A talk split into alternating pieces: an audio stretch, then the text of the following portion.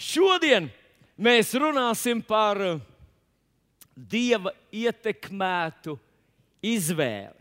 Mēs vēl aizvien runājam par to, lai neierobežotu dievu iztēli, dieva ietekmēti iztēli. Uh, es ticu, es ticu, ka Dieva vārds mums ļoti konkrēti saka par to, ka Dievs grib ietekmēt mūsu personību ar savu vārdu. Un viņš grib mūsu dzīvē mums dāvināt lietas, kuras, kuras mums vajag. Es ticu, ka Jēzum ir tiešām atbilde uz visām tām situācijām, problēmām mūsu, tavā un manā dzīvē, kādas vien mums ir. Viņam ir atbilde. Un mums pat nav jāiet kaut kur citur meklēt, jo viņš ir atbilde tavai dzīvei. Mums tikai tas ir jāierauga. Un viena no lietām, kā mēs to varam saņemt, ir, kad mēs pareizi nofokusējam savu domāšanu, nofokusējam savu sirdi, nofokusējamies paši uz Dieva lietām. Un, lai mēs varētu to izdarīt, viena no vitālām mūsu personības sastāvdaļām ir mūsu iztēle. Iztēle ir tas, ko mēs redzam, tad, kad mēs aizveram savus acis ciet. Iztēle ir kaut kas tāds, ko mēs nevaram redzēt savām fiziskām acīm, bet varam redzēt ar savām sirds acīm, ar savām gara acīm. Nu, lūk, un ir tāds psalms, 138. psalms, kur es domāju, mēs visi esam lasījuši, bet varbūt ne visi, uh, ne visi esam piefiksējuši, kas tad, kas tad īsti tas ir. Uh, bet tagad mēs atvērsim pamācību 23. nodaļu. Salmam pamācības ir tas, ko, ko es gribu izlasīt tagad pamācību 23. nodaļā, no 1. panta un uz priekšu. Šī, šī pamācība sākās ar to, ka tur ir tāds teksts, ka tu nonāc kāda valdnieka namā. Un tu skaties apkārt uz visu to krāšņu un bagātību. Tu skaties uz visiem tiem smalkajiem mēdieniem, kas tur ir priekšā. Esat lasījuši kāds kādreiz šo raksturvietiņu? Es atceros, vienā konferencē sludināju no viņas. Un tad un tad es to redzēju drusku savādāk. Bet ko tad viņš tur saka? Viņš saka, lietas vai pat nāzi pie rīklas, lai tev, nu, lai tev nesakārojas, lai tev apetīte, ja tu esi izsalcis, ja tev apetīte sakāpja. Un tad viņš, par ko tad viņš te saka? Viņš faktiski saka tā, ka ne tas, iet, ne tas ir tas situācijas noteicējs. Ne tas ir tas, kas veido visu šo situāciju, tas ārējais spožums. Bet ir septītais pāns, kur rakstīts, kur rakstīts tādu vārdu, un atkal es atsaukšos uz um, King James tulkojumu, kur rakstīts tāds teikums. Bet ko cilvēks domā savā sirdī, tāds viņš ir. Citiem vārdiem, nevis tas ārējais spožums, nevis tās smalkās drēbes, Nevis tas ēdiens, ko viņš ēd, nevis tas lepnais auto, ar ko viņš brauc, nevis tā bagātība un tās naudas daudzums veido šo personību, bet otrādi tas, kas tajā cilvēkā ir iekšā, veido to, kas ir ārpusē. Tas noslēpums ir tur iekšpusē. Un viņš pamāca mūs nedzinies pēc tā ārējā. Mēs kādreiz domājam, ja es, ja es sev nopirkšu dārgu mašīnu, es kļūšu par citu cilvēku. Tā nebūs. Ja es nopirkšu sev dārgu uzvalku, es kļūšu par citu cilvēku. Tā tas nebūs. Ja es sev nopirkšu pēdējo iPhone, un man arī būs tāds pats iPhone kā visiem tiem biezajiem, kas tur brauc ar tām dārgajām mašīnām, es būšu tāds kā viņi. Nē, nē, nē. Salamans saka, ne tajās ārējās lietās ir noslēpums, bet tajā, kas ir iekšpusē, tā cilvēka iekšpusē. Un tad viņš piemin to, ka tā bagātība, tikko tu esi tai pievērsis savas acis, tā šuh, aizlido prom. Viņš saka, ka tās ārējās lietas ir mainīgas, bet tas iekšējais ir pastāvīgs. Un tad 8. pantā viņš saka tādu ļoti drosmīgu apgalvojumu. Viņš saka, ja tu aizej pie kāda cilvēka, kurš gan savos vārdos tevi ir uzaicinājis un saka, cienājies droši, bet savā sirdī ir skops un skaudīgs. Vai tu esi kādreiz bijis tādā vietā? Nu, parasti, parasti, mm, parasti laikam grūti uzreiz tā atpazīt, un mēs ne, labprāt neietu pie tāda skauģa. Bet ziniet, kas ir interesanti?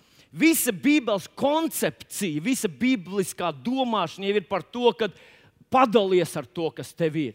Dod tam, kam vajag. Ja tu pasniedz glāzi ūdens, praviešu vārdu, tev jau alga par to ir. Bet šeit ir pilnīgi cita situācija. Viņš saka, tu būsi ēdis viņa ēdienu. Bet viņš saka, ka sekas būs tādas, ka tev būs tas jāatspļauj. Tas neko labu tev nenodarīs. Un tad viņš paskaidro, kāpēc. Viņš teica, tāpēc, ka cilvēka sirds, tas viņa iekšējais noskaņojums un attieksme, tas, kā viņš redz to situāciju, tas, ko viņš no tās sagaida. Varbūt viņš ir spiests tev darīt labu, bet tas nelīdzēs ne viņam pašam, ne tev. Jūs saprotat, ko, ko, ko, ko mums Salamans cenšas pateikt? Viņš cenšas pateikt, ka mūsu tieši iekšējā sirds nostāja, tas, kā mēs domājam savā sirdī, kā mēs redzam tav, sav, sa, savā sirdī, tas ietekmē rezultātus, kādus mēs iegūsim. Un šeit, saprotiet, ir, ir ģeķīgi atdarināt kādu citu, kuram ir cits skats iekšā, un to atdara vienkārši ārējās darbības. Rezultāts nebūs tas pats. Salamans saka, izmaini savu sirdi, izmaini savu iekšējo domāšanu. Vēlreiz, es priekš tevis to atkārtoju, jo es zinu, ka tu to saprati uzreiz. Ne ārējās lietas nosaka lietu uh, rezultātu, nosaka tavas rīcības rezultātu, bet tas, kas ir tavā iekšpusē, tavā sirdī, tas ir tas, ko Bībele mums šajā vietiņā ļoti uzstājīgi apgalvo. Un mans apgalvojums šodien, kur es centīšos šodien pamatot, ka daļa no mūsu iekšējās domāšanas, ka daļa no tā, kā mēs redzam, ko mēs domājam par šo situāciju, ir saistīta ar mūsu iztēli. Tas, kā mēs iztēlojamies lietas, tas ir kaut kas, ko mēs vai nu atstājam pašplūsmā, un tas veidojas pats, un tas ir negatīvs, vai mēs pie tā piestrādājam, un tad šī attieksme, šī bilde, šis attēls, ko mēs redzam, ir pozitīvs. Un, manuprāt, Salamans mūs uz to ļoti, ļoti ietekmē, ļoti iedrošina. Nu, paskatīsimies uz pirmo piemēru Bībelītē, kur mēs redzam, un kur mēs visi varam asociēt ar sevi, ir Abrahāms. Abrahams tiek nosaukts par mūsu ticības tēvu. Un viņš bija cilvēks, kur es ticu, kura ticība ietekmē arī mūsu šodien un šeit. Un tad, kad Dievs viņam dod apsolījumu par to, ko Dievs grib darīt viņa dzīvē, Dievs viņam dod tādu, nu, Dievs viņam sola, ka viņš kļūs par lielu tautu, ka Dievs viņu svētīs, ka viņa vārds būs nozīmīgs. Bet Dievs viņam šo apsolījumu dod tādā bildes izskatā. Dievs faktiski rosina viņa iztēli. Viņš saka viņam, paskaties zvaigznēs, vai tu vari tās saskaitīt. Un, protams, ka Abrahams nevarēja saskaitīt zvaigznes. Jūs man piekrītat? Mūsu zinātnieki ar moderniem teleskopiem nevar izskaidrot zvaigznes. Bet viņš saka, paskaties zvaigznēs, vai tu vari tās saskaitīt. Un tad viņš saka, tik daudz būs tev pēcnācēji. Viņš rosina Abrahāmu iztēli. Uh, vai Dievs būtu varējis vienkārši iedot viņam informāciju, vienkārši nosaukt kaut kādu lielu ciparu, piemēram? Būtu varējis. Bet Dievs neko nedara vienkārši tāpat. Dievs kaut ko dara, viņš dara to pašā labākajā veidā. Un šajā, šajā gadījumā Dievs liek viņam skatīties zvaigznēs. Un kā mēs zinām, Abrahams nedzīvoja mājā, nedzīvoja pilī, viņš dzīvoja teltī. Un ļoti bieži, ļoti bieži, kā jūs zināt, austrumos ļoti ātri satums. Un nebija nekāda tā gaismas piesārņojuma, nebija pilsētu uguņi, nebija viss kaut kas. Ja kaut kur bija kāds ugunskurs, bet tas jau nedēļa tik daudz gaismas. Abrahams paskatījās debesīs, un viņš iztēlojās savus bērnus. Viņa iztēle darbojās bagātīgi, jo Bībelē mums saka, ka viņš pieņēma Dieva apsolījumus, apsu, aktīvi pieņēma. Nevis pasīvi ļāva uz sevi to pateikt, bet viņš ar tiem darbojās. Mirklīti vēlāk Dievs runā to pašu, tikai vēl papildina šo, ne, piedodiet, viņš runā to pašu, bet tikai vēl papildina šo, šo domu. Viņš saka, ka es tev, tavu pēcnācēju būs kā debesu zvaigznes, 1. mūzes 22.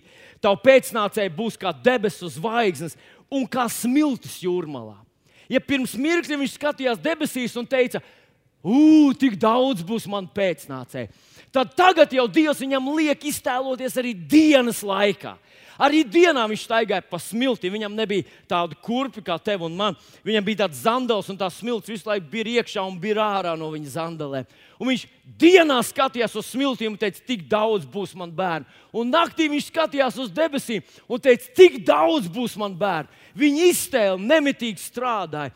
Un es ticu, ka tas ir iemesls, kāpēc Bībele saka, ka Viņš ir mūsu ticības tēvs. Viņa ticība ietekmē arī to, ka mēs ar tevi šodien esam. Jo Dievs teica, es tevī svētīšu visas pasaules tautas. Tas, ko es šodien gribu pateikt, ir, ka Dievs no visas sirds gribēja ietekmēt Abrahāma iztēli. Viņš gribēja, lai Abrahams savā sirdī redz bildi, savus bērnus, bezgalīgi daudz bērnu. Un paklausieties vēl, tāds drosmīgs apgalvojums, par ko, manuprāt, vajadzētu vienu nedēļu domāt. Nu, tā īsti, lai viņi saprastu. Un tas apgalvojums ir tāds, ka īstenībā Dievs nenosprauda robežas, cik daudz tev to bērnu būs. Viņš teica, tu nosauc robežas. Un, zinot, kad jaunajā darbā Jēzus Jāņem 14. nodaļā, 12. pantā teica, tas, kas man tic, arī tos darbus darīs, kurus es daru, un vēl lielākus darīs. Tā, ziniet, man tas asociēs ar to pašu. Tu pasaki, ko tu darīsi. Tu pasaki, uz ko tu esi spējīgs. Tu pasaki, kur tu apstāsies. Es nenovilkšu robežas priekš tevis. Ja vien tu to vari ieraudzīt, ja vien tu to savā sirdī vari ieraudzīt. Atkal, Atcerieties, nevis ārīgās lietas nosaka to, kas mēs esam, bet tas, kas mēs esam savā sirdī, nosaka to, kur mēs aiziesim, ko mēs izdarīsim.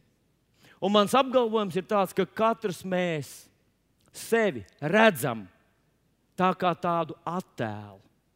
Tam attēlam ir zināms tādas detaļas, absolūti, nu, kā lai to pasakā, precīzas detaļas. Gads, kurā tu esi dzimis, cik tev ir gadu, kādu skolu tu esi pabeidzis, kādas tev bija atzīmes, un tādu, ko tu savā dzīvē sasniedz, cik daudz naudas tev ir. Tās ir mazas detaļiņas tajā tavā lielajā bildē. Bet to kopējo bildi un to kopējo perspektīvu un noskaņu nosaka tu pats. Nu, ļaujiet man drusku, drusku tādus, tādus kaut kādus mm, nu, pierādījumus šim manam apgalvojumam. Ja es pareizi atceros, tas bija Steve's Jobs, kurš nu jau ir mūžībā, kad viņu uzaicināja uz vienas uh, pazīstamas augstskolas izlaidumu, lai viņš uzrunā studentus, esot uzkāpis uz platformas. Un, uh, es nevaru precīzi nocitēt, bet tā doma esot bijusi tāda: nabaga bērni, ko viņi ar jums izdarīja? Pa šiem gadiem, kurus jūs pavadījāt šajā augstskolā, jums nosprauda robežas, kuras jūs nekad neuzdrošināsieties pārkāpt pāri. Es esmu tas, kas es esmu, tāpēc, ka nekad nemācījos tajā skolā, kurā jūs esat mācījušies. Ko es ar to gribu teikt? Kāds ir pabeidzis augstskolu un pie sevis to atzīmē kā negatīvu. Tā nebija īstā fakultāte, tā nebija īstā programma. Toreiz skola bija orientēta uz atcerēšanos, ne uz izpratni.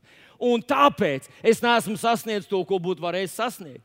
Kāds nekad nav bijis skolā, augstskolā, es domāju par augstskolu, un saka, nu tāpēc es neko neesmu sasniedzis. Kāds saka, man ir bērni, un tāpēc es nevarēju uztaisīt karjeru. Kāds cits saka, man nav bērnu, un tāpēc man nebija motivācijas taisīt karjeru. Kāds saka, uh, nu, nu, man ir tas, un tāpēc es nevaru. Kāds saka, man tas nav, vai man tas ir, un tāpēc es nevaru. Citiem vārdiem, Tu un tikai tu pats nosaki to, vai, vai tā tava kopējā bilde, vai tā ir pozitīva vai negatīva. Tu nosaki to, ko tu vari un ko tu nevari. Un faktiski šis tavs kopējais attēls nosaka to, uz ko tu savā dzīvē esi spējīgs un kur tu nobeigsi to savu gājienu, kādas sasniegumus tu iegūsi. Un atcerieties, tas bija tas, ko Salmans sacīja mums tajā savā pamācībā, 23. nodaļā. Viņš saka, ka skauģis saka, ēd gan, bet rezultāts nebūs tāds labvēlīgs tev. Bet cilvēks manā prātā, ka, ka Pāvils raksta, ka Dievs mīl priecīgu devēju. Ir no svara, ko tu redzi savā sirdī, kad tu ziedo. Ir no svara, kā tu redzi situāciju, kad tu tajā dodies iekšā. Ir no svara, ko tu domā par sevi, kā tu redzi to savu bildi. Un es esmu pamanījis, draugi, kad es kādreiz nostājos pie spoguļa, un kādreiz es arī to daru. Jūs droši vien domājat, ka es neesmu redzējis spoguli. Um, bet šādi tādā es paskatos uz viņu. Un es konstatēju, ja es nepiestrādāju, tas, ko es redzu, tur novecojošu, lēnām dilstošu onkuli. Bet, kad es piestrādāju, man ir īpaši jāpiestrādā pie tā. Man ir jāļauj manai iztēlei, lai to ietekmē Dieva vārds. Un šodien es nerunāju par to, ka garais iedomājās, ka ir īss un kļūst īss. Es nerunāju par to, ka īss iedomājās, ka ir garš, vai baltais iedomājās, ka ir melns, vai nabaks iedomājās, ka ir bagāts, un skaties vienu dienu pamostās un pilnas kabatas ar, ar, ar, ar naudu.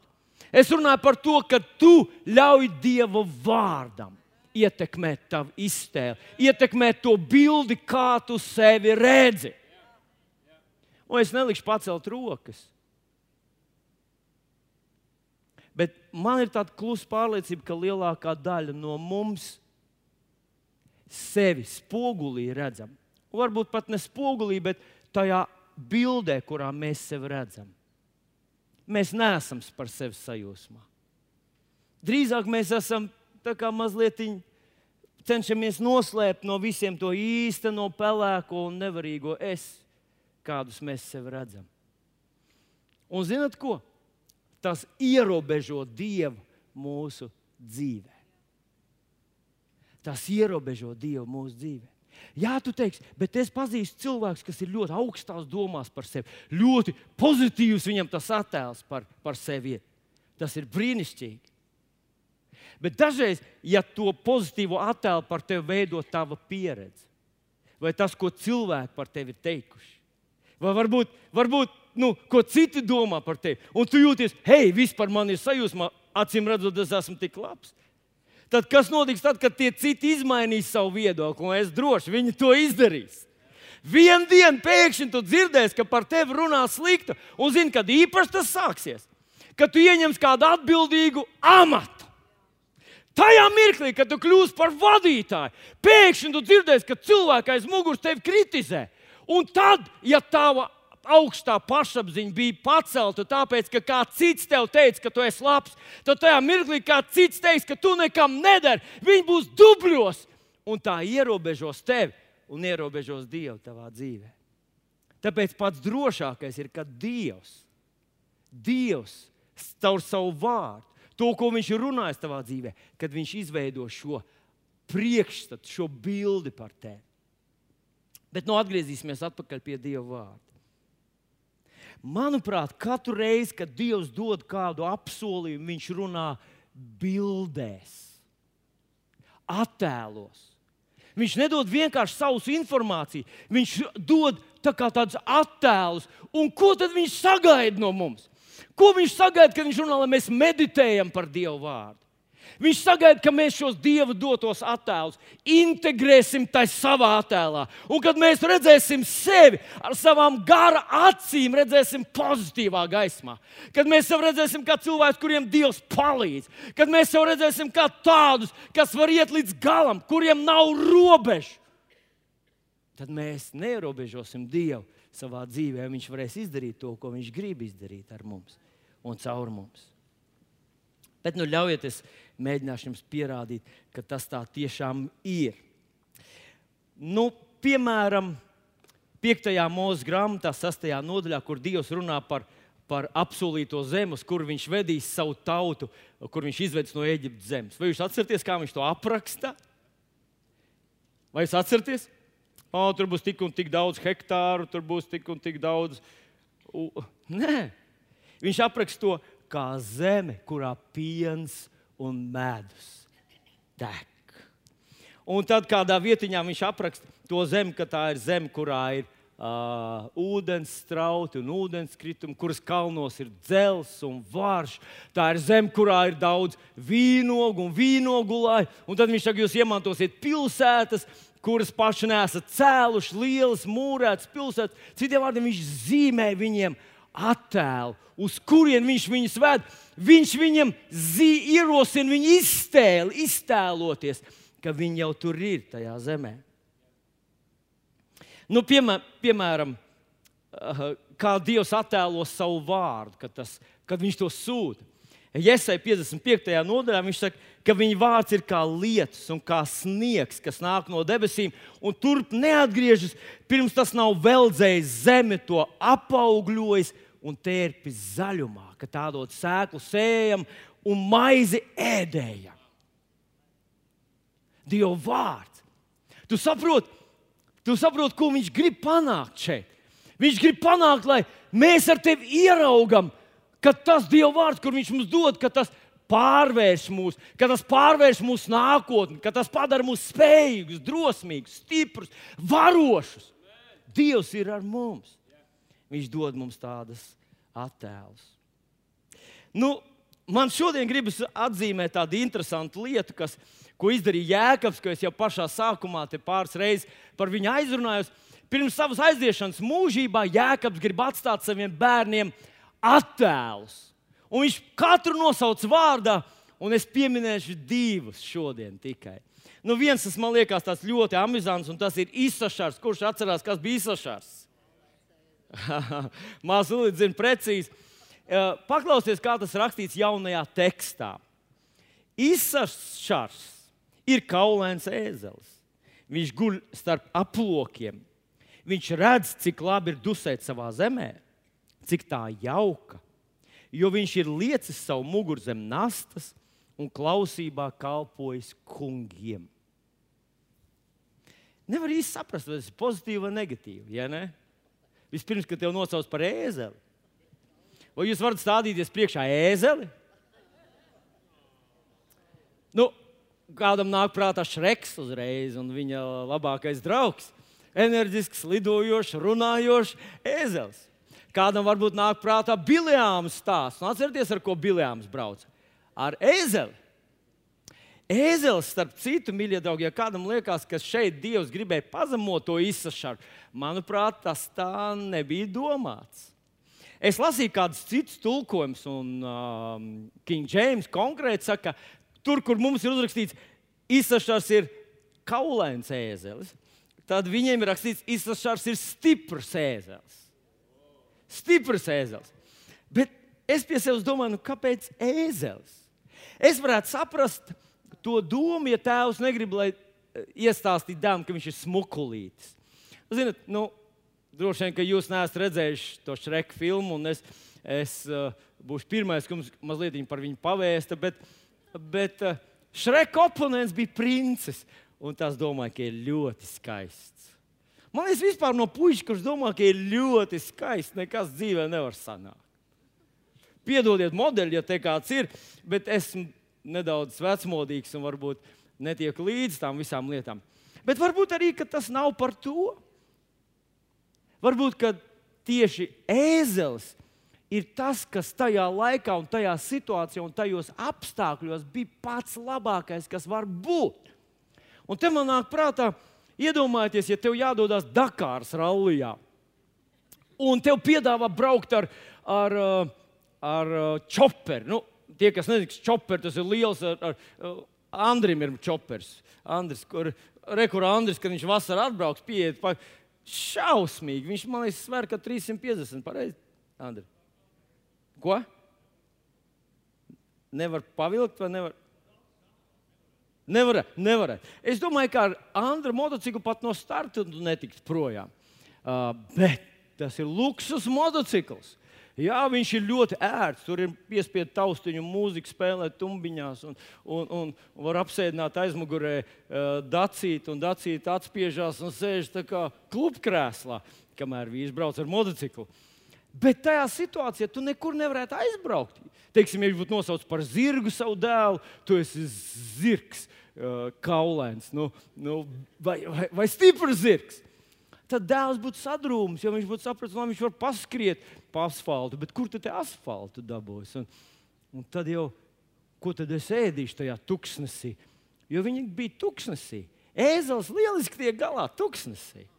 Ēzels lieliski tiek galā cauri visām drūmām, akmeņainām un grūtām vietām. Un kad viņš teica, ēzelis, halleluja!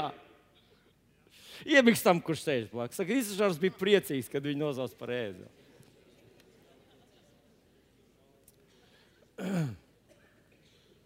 Bet es jums, es jums palasīšu, kā es iztulkoju, ja saliku kopā to, ko es atradu citās bībelītēs. Labi? Tas izklausās tā. Isašars ir stiprs ēzelis, kas gulšņā starp ķīpām. Redz viņš, cik labi, labi, miers ir labs, zeme ir laba. Un tad viņš liec muguru cienījamam jūgam. Un tā doma, ka bijušais neatkarīgais klejotājs ir nometies vienā vietā un kļuvis par cītīgu zemes kopēju. Un man ļoti patīk šis te, uh, uh, austrumu, austrumu sieviete, kas jāj uz ēzeļa. Un, ja jūs paskatīsieties, uh, varbūt esat redzējuši, viņiem neliek jūga dzelžus mutē, kā mēs liekam zirgiem. Viņi vienkārši ar tādu mietiņu viņu pabiksta un pastūrē, uz kuru pusi vajag. Pa labi, pa kreisi.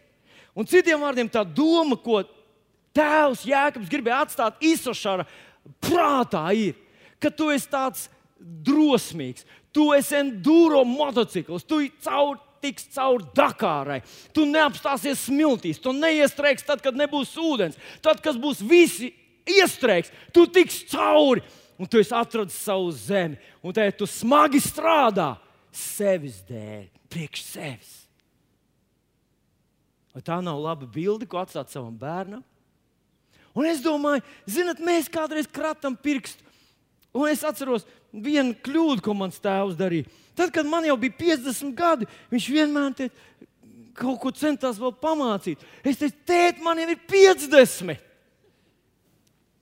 Būtu labāk uzzīmējis man ainu, ka es esmu ēzelis, ka es aiziešu līdz galam, ka man nekādas grūtības neapstādinās. Cilvēki nāks un ies, bet tu paliksi uzticīgs tam kungam. Dievs tevi ir izredzējis. Viņš būs ar tevi. Tu gulsnās starp ķīpām, bet vienā dienā tu iejūksies un strādās līdz mūža galam. Es turētu to bildi savā acu priekšā.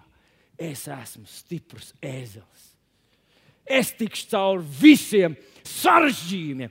Es nesalūzīšu, nepadošos. Zirgi krīt pa labi un pa kreisi. Arābu rīkšķotā iestrēgst. Bet es dodos uz priekšu. Vai jūs redzat tajā loģiku kaut kādu? Ha, Dievs redzēja tajā loģiku. Jēkabs tajā redzēja loģiku. Nu, vēl gribu atgādināt jums rakstvietiņu, kur, kur uh, arī ir uzrakstīta pirmā mūža grāmatā, un tas ir augļu koks Jāzeps. Ja vēl tēvs atstāja vienam no saviem tas pats tēvs, citam dēlam viņš atstāja bildi viņam, attēlu. Nevis informāciju, bet attēlu. Viņš rosina viņu iztēli, un tas attēls ir tāds: augļu koks ir Jāzeps augļu koks pie avota, kuras zari stiepjas mūrim pāri. Strēlnieki cēlīja nemieru, viņi raidīja uz viņu bultus, karoja ar viņu. Tomēr viņa lokus neloza, un viņa elkoņi palika stipri. To darīja Jēkabs stiprums, viņa gans, Izraēla klints. Jūs redzat bildi? Tēvs atstāja savam dēlam bildi. Tu esi augļu koks, tavs zari ir stipri. Tas kā no Iesai 58, 11. Un tas kungs tevi vienmēr vadīs un paēdinās tavu dvēseli tukšās vietās, un stiprinās tavus locekļus, ka tu būsi kā auglīgs dārsts. Dievs uzrunāja man ar šo rakstu vietiņu. Un zinat ko? Es domāju par to kādreiz, un jā, un Līdz vienā dienā es sapratu, ka man jāpaskatās savām locītām, kā uz tādu auglīgu dārzu. Man jāpaskatās saviem ceļiem, ne uz kā vīru, kuram 55 gadi. Bet es teicu sev, viņš tev svētī, tu esi auglīgs, auglīgs dārzs. Un tad viņš nobeidz, un tu esi kā auglīgs dārzs, kurām, kā nu bija, tu būsi kā auglīgs dārzs un kā ūdens avots kurā ūdens nekad neizsīks. Hei, hei, kurš teica, ka es esmu vecs? Kurš teica, ka man jāgatavojas norietam? Tā bija tā, tā negatīvā iztēle. Tad kāds brālis bija aizbraucis uz Kenita Heigena 80 gadu jubileju. Koplāna, jā, piedodiet, Kenita Koplāna 80 gadu jubileju. Viņš teica, ziniet, ko? Viņš savos 80 gados ir stiprs kā vērsis. Viņš teica, es izlēmu skatīties nevis uz tiem, kas jau 50 gados jau, jau iegādājās zārku. Es izlēmu skatīties uz tiem, kas 90 gados un saka, ka viņiem vēl daudz kas jāizdara, ka Dievs viņiem palīdz, ka viņi iet uz sporta zāli un kustina savus vecās miesas un audzina muskuļus. Un saka, man vēl daudz kas jādara šajā pasaulē, jābūt aktīvam. Un es gribu tev teikt, dārgais draugs, Dievs šodien grib ierosināt tavu izvēli, tavu iztēli, piedodiet. Viņš grib ierosināt tavu iztēli, lai no tās lēni mirstošās bildītes tu ieliec savā atmiņā, savā prātā, pavisam citu bildi. Tu redzi sevi kā bagātu cilvēku. Ārējās lietas ir mainīgas, tā iekšējā ir tā, kas rada to ārējo.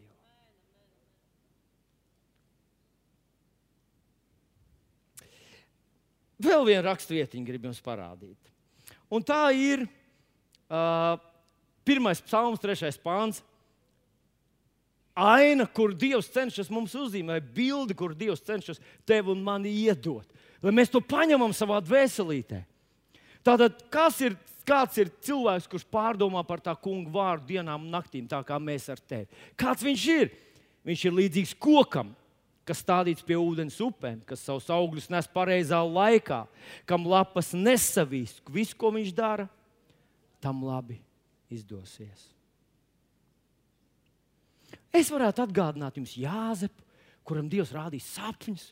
Vienu sapni viņš uztaisīja kūlīt, un visi tēvi mācīja, un visi 12, 11 brāļi kūlīši locījās viņa priekšā. Atcerieties, vesela pasaka, vesels stāsts, attēls. Dievs rosināja viņu iztēli. Kāpēc viņš to darīja? Tas bija vajadzīgs, lai tas piepildītos, lai tas notiktu viņa dzīvē. Tad viņa vēl vienu rādīja viņam sauli un zvaigznes, un mēnesis locījās viņa priekšā. Dievs rosināja viņu iztēli, lai viņš izveido attēlu. Un ar to viņš dzīvoja cietumā, un Potifāra namā, un Fāraona namā. Un es šodien, tas lielais mans jautājums ir tāds, vai tu esi ļāvis Dieva vārdam ietekmēt to tavu bildi, to attēlu, kā tu sevi redzi? Uz ko tu esi spējīgs? Kas tevi sagaida? Vai tu esi to atļāvis? Un kamēr tu neesi atļāvis Dieva vārdam ietekmēt to tavu attēlu, kā tu sevi redzi, tu ierobežo Dievu. Un faktiski tavs attēls ir pravietojums par to, kas tad ar tevi notiks, ko tu izdarīsi un kur tu beigsi. Vai tiešām tas tā ir? Es mēģināšu jums parādīt.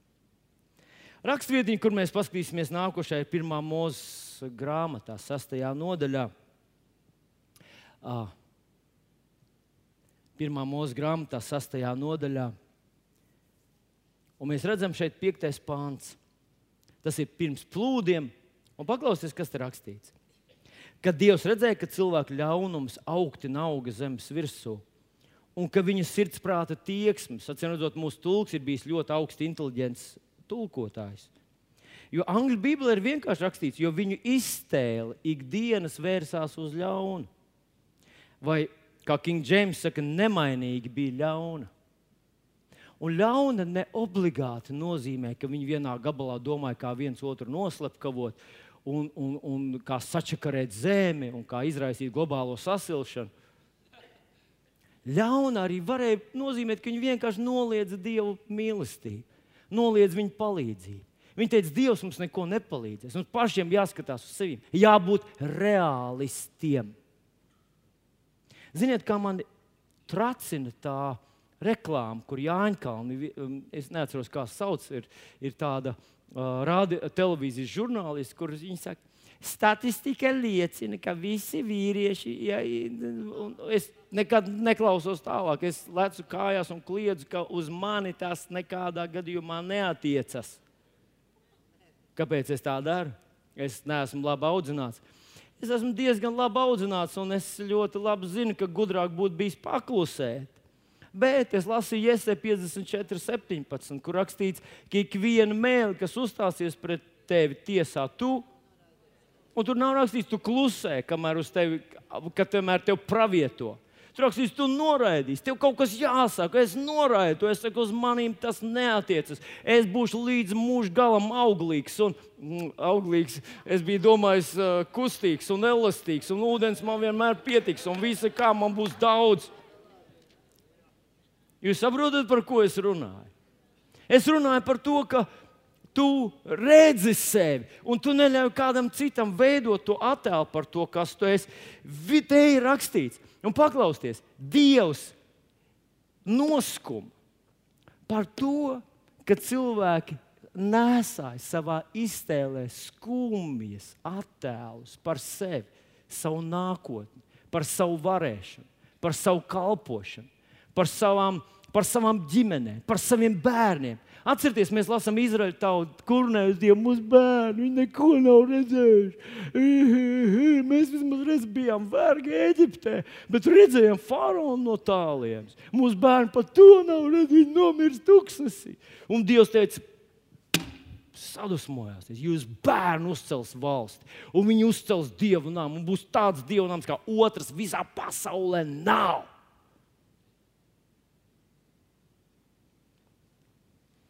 Ikdienas vērsās uz ļaunu, un Dievam kļūst žēl, ka Viņš cilvēku ir radījis. Viņi ierobežoja Dievu. Viņu iztēle ikdienas vērsās konsekventi un nemainīgi uz ļaunu.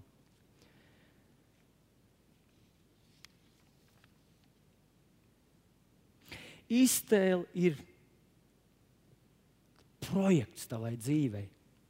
Un to mēs redzam Pirmā mūža grāmatā, 11. nodaļā, 6. pantā, kur jau ir cilvēki pēc ūdens plūdiem.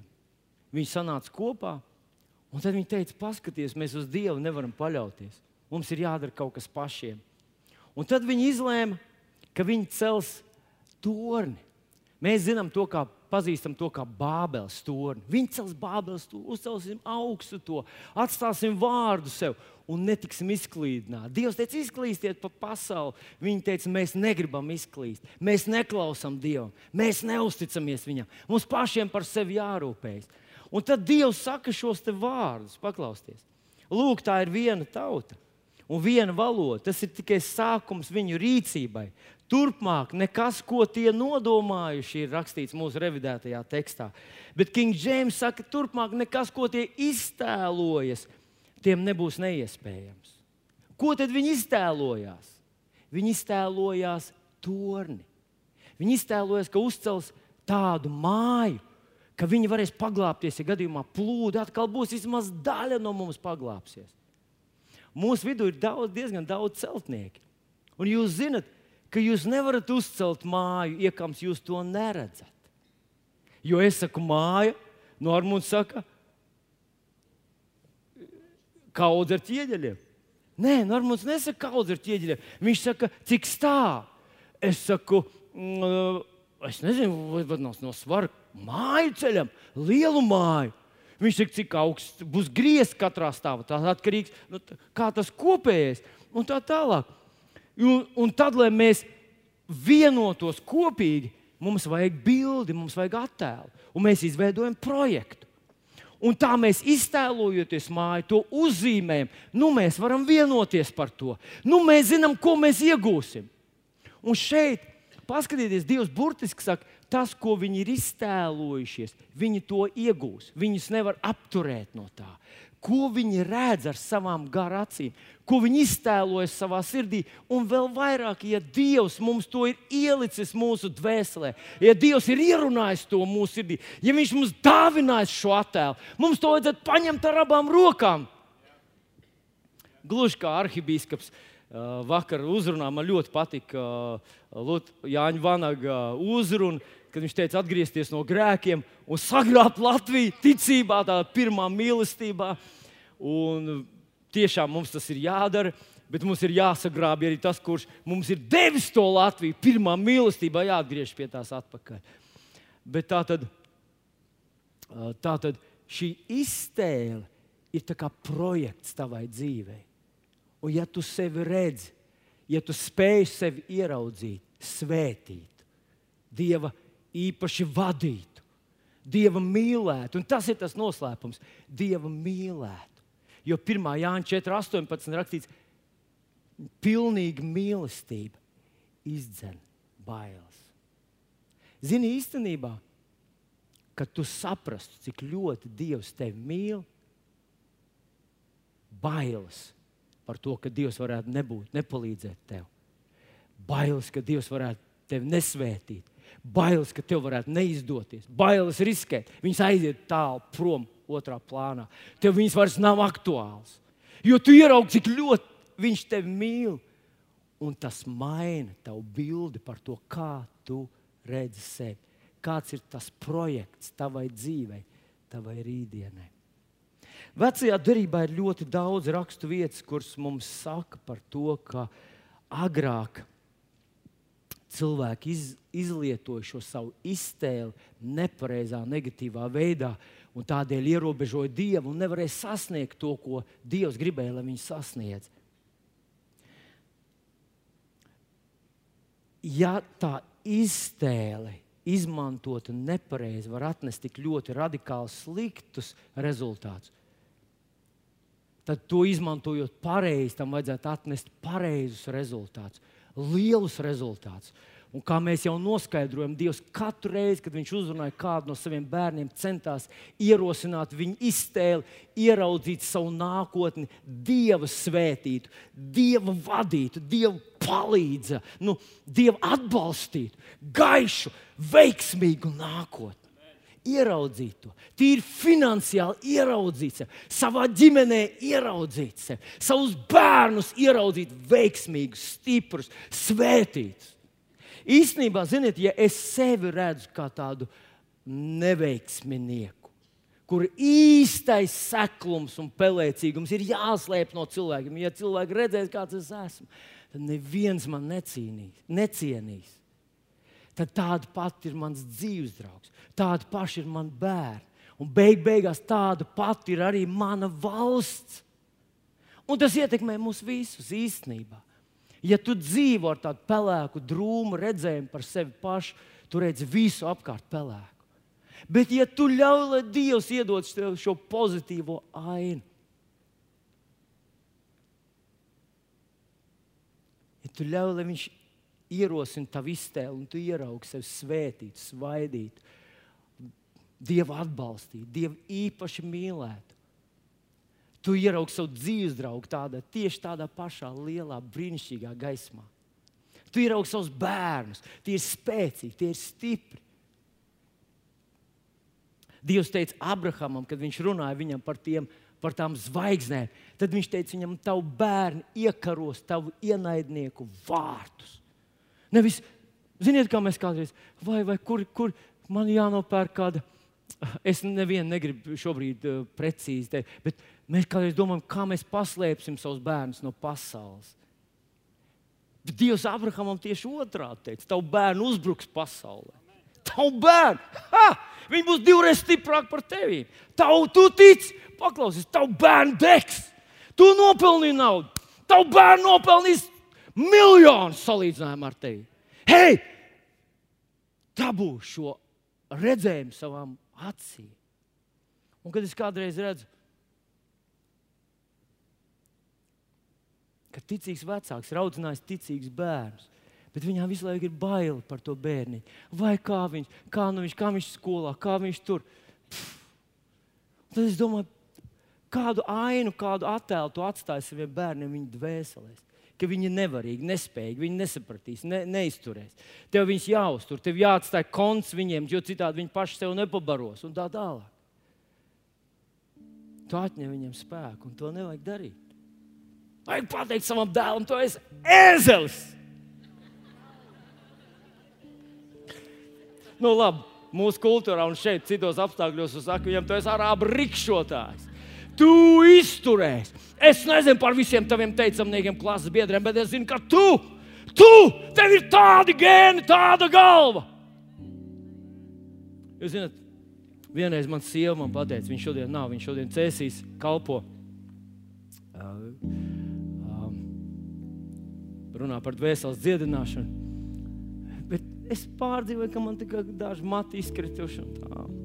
Viņš saka, Vilni, beidz, man ļoti patīk tā frizūra. Un, zinat, es zinu, ka viņi mazliet viņi liekuļoja. Es zinu. Nevar cilvēkam patikt, kad, nu, jūs saprotat. Bet zināt, kas ar maniem notika? Pats es uzreiz atlieku muguru. Kā man, man vienalga, ko pasaule domā, manai sievietei tas patīk. Man vienalga. Tas dod tev spēku. Un es domāju, Dievs, Ja viņš šaubītos par mums, viņš mums nebūtu atstājis 21. gadsimta pasaulē, kad pornogrāfija, narkotikas, vai dieni, pasaule tik ļauna, visiem ir mobilie telefoni, vai dieni. Vai ne? Bet Dievs saka, man draudzes celšu savu draugu, un tās viņas spožums Paskatieties, kā notika Eģiptē. Tikko viņi sāk vajāt, šie sāk vairoties. Tikko viņi sāk galināt nost un aizliegt, viņi vairojās tā kā, tā kā baktērijas, piedodiet par salīdzinājumu. Un es esmu pārliecināts, ka Dievam ir risinājums. Bet no, viens no veidiem, kā mēs ierobežojam Dievu, ir tas, man jau 50, kur es dabūšu darbu šajos laikos cilvēkam pēc 50 jau ir viss. Kurš to teica, sāc savu uzņēmumu? Vai uzņēmums? Tu vienkārši runā ar nepareiziem cilvēkiem. Aiziet pie uzņēmējiem, pasaki, es gribu sākt savu uzņēmumu. Viņi teikt, malacis, pēdējais laiks. Zini, ja tu runā ar kādu, kurš dzīvo no pabalstiem, tu teiksi viņam, ka tu gribi sākt savu uzņēmumu. Viņš teiks, ārprāts, ārprāts, tik daudz ir bankrotējuši. Tu vienkārši runā ar nepareiziem cilvēkiem, ej pie pareiziem cilvēkiem, un pēkšņi tu sajūtīsi, kur es biju agrāk. Jāsāk savu uzņēmumu, ja nevar darbu dabūt, kļūst pats par darbu devēju. Dievs, Dievs teica, novelc tu robežu. Tu novilksi robežu, un tur apstāsies. Es nevelku tev robežu. Paskaties uz zvaigznēm, tie visi var būt tavi bērni. Es šodien gribu tevi iedrošināt, bet vēl viena lietiņa man te jāpasaka. Jaunajā darbā Dievs runā par šo redzējumu, par šo spēju redzēt nereālas lietas, lietas, kas neeksistē. Un saka, ka tas ir ļoti svarīgi. Un tas ir uzrakstīts 1. korintiešu vēstulītē. Um, nē, tas bija uzrakstīts. Šodien man iet kā pa celmiem, slavu Dievam.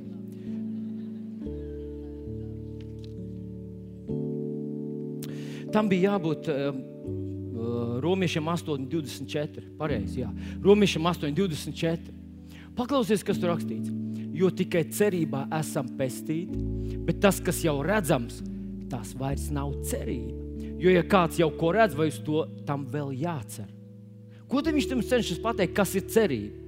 Cerība ir spēja redzēt to, ko ar acīm fiziski redzēt nav iespējams cerība, jaunās derības iztēle, Dieva dota iztēle, kur Dievs mums ir devis, lai mēs to, lai mēs to lietojam, lai mēs to metodiski, mērķiecīgi, lai mēs to mainām pozitīvā virzienā. Lai redzam sevi kā nevis cilvēks, kas cenšas aizdzīvot līdz nāvei, jo pēc nāves būs labāk, bet lai mēs redzam sevi kā cilvēks, kuriem šeit, šodien, kas šodien 19. 19. novembrī, 17. gadā, pelēkā, tumšā, drūmā laikā Dievs palīdz. Un es nezinu, kādā problēmā tu esi, bet Dievs grib tev dot cerību. Un cerība ir ieraudzīt, ieraudzīt to, ko tu šobrīd neredzi ar savām fiziskām acīm. Zinat, vienam, vienai sievietei, doktors pateica, ka viņai ir kaut kāda sarežģīta slimība Iespējams, tas bija audzējs. Un tad viens, viens viņas paziņa, dzirdējis to, viņai teica, zini ko, tev vajag tagad YouTube, internetā atrast visu, ko tu zini par vēzi, par, par to audzēju. Uzzini visu, kas, kā cilvēkiem ir gājis. Un tā sieviete sāka to.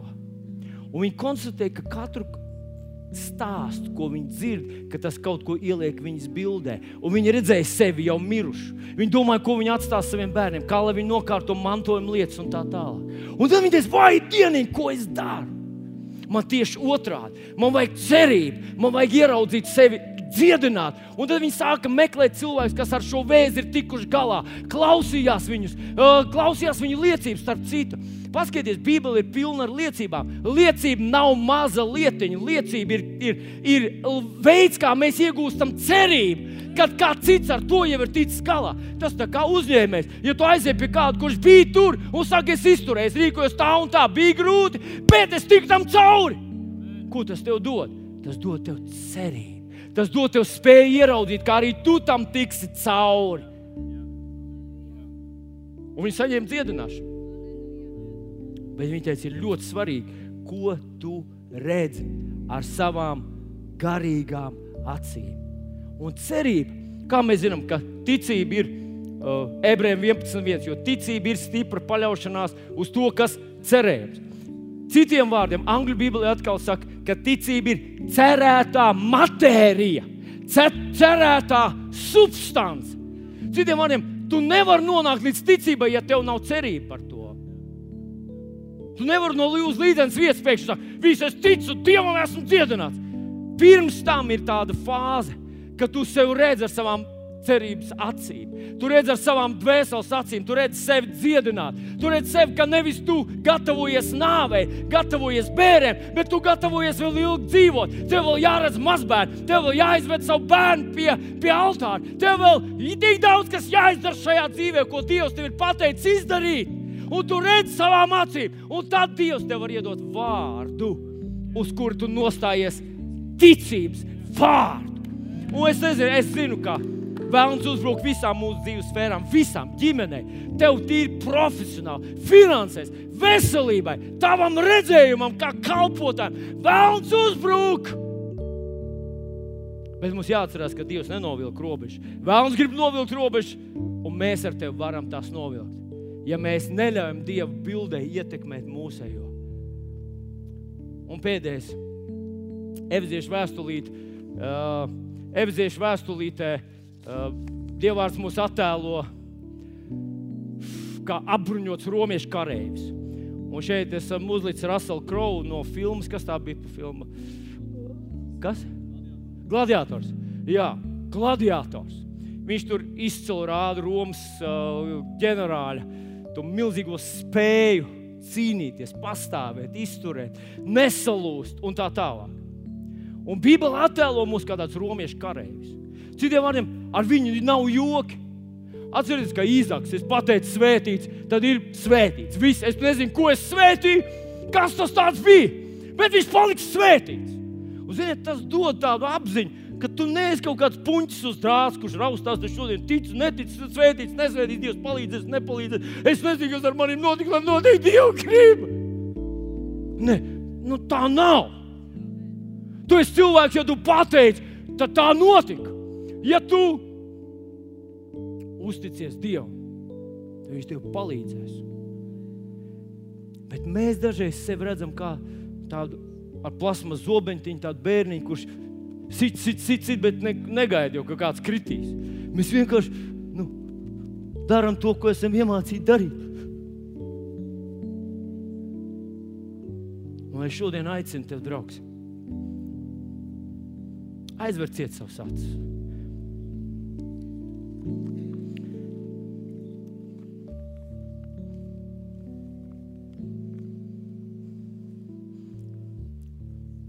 Vispirms tev jāzina, ka Dievs ar tevi nejoko.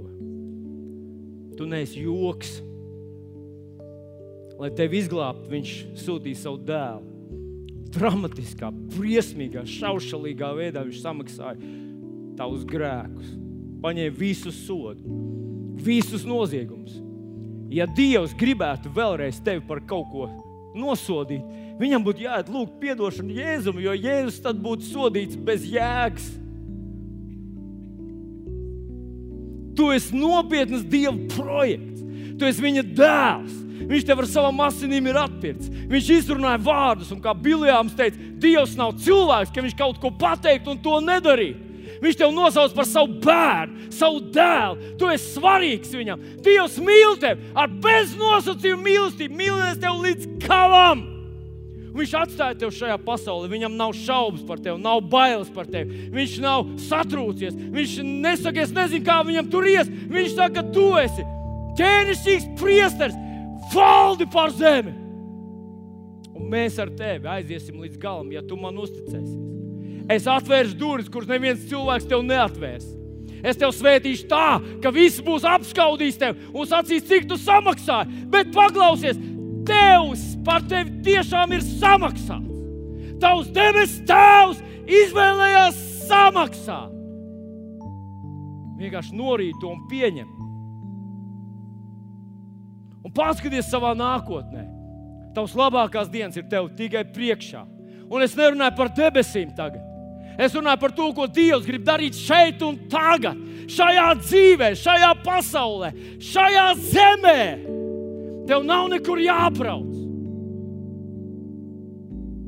Tev vienkārši jāļauj, lai Dievs paņem.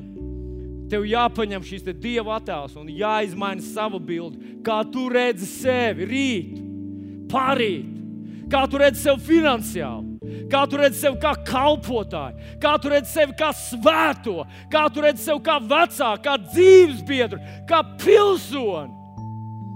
Tu neesi joks. Tu esi Dieva projekts. Īpašs Dieva projekts. Tev nav otra tāda kāds tu. Un tevi nevar aizvietot.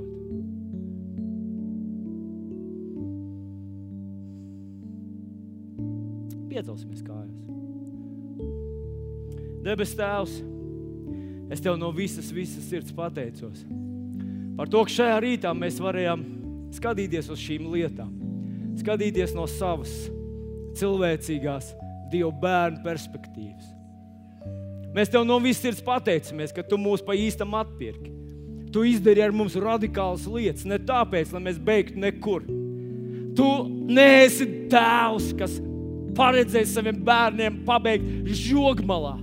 Tu neesi tēvs, kas samierinās ar pelēcīgu nīkšanu.